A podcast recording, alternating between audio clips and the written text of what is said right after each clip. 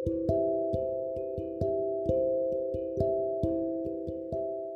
teman-teman, selamat datang kembali di podcast Cerita Semester. Masih bersama aku, El Mutamima. Nah, teman-teman, minggu lalu kita telah bersama-sama membahas topik tentang konsep dasar administrasi. Di review materi kali ini, pembahasan kita mengenai tema dari paradigma ilmu administrasi. Selamat mendengarkan review materi kedua. Pada pembahasan kali ini, kita membahas beberapa poin penting. Yang pertama, mengenai pemikiran ilmu administrasi, dan yang kedua, mengenai hubungan administrasi dengan ilmu lainnya.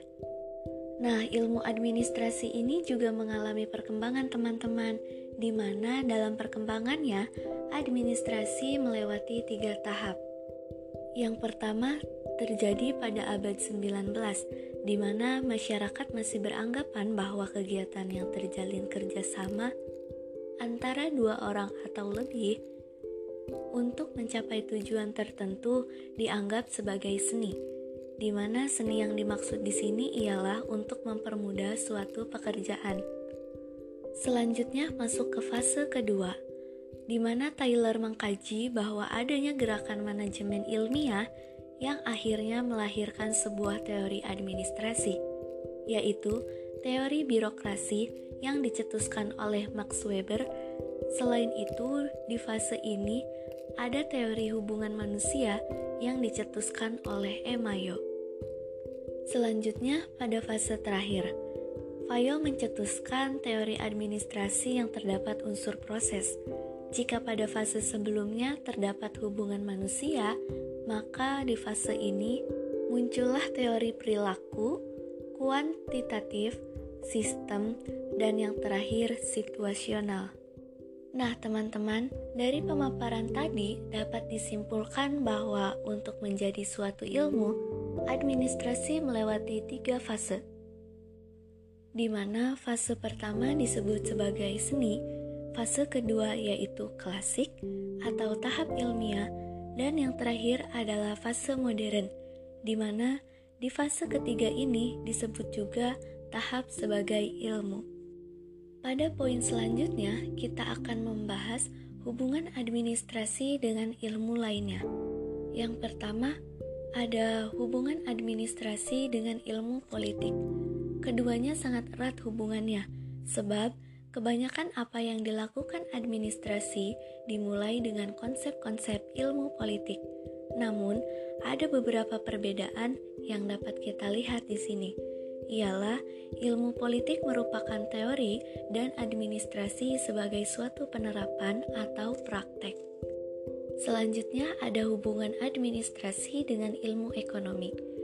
Jika dilihat dari prinsip ekonomi dengan prinsip administrasi, maka keduanya sama, yakni masalah efisiensi dan efektivitas, dan keduanya sama-sama menelaah lembaga-lembaga ekonomi atau organisasi perusahaan.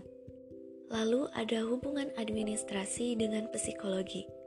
Psikologi mempelajari perilaku hubungan antar individu atau antar manusia, dan mencoba menerangkan bagaimana dan mengapa individu berperilaku seperti yang mereka lakukan dalam kegiatan kelompok atau organisasi.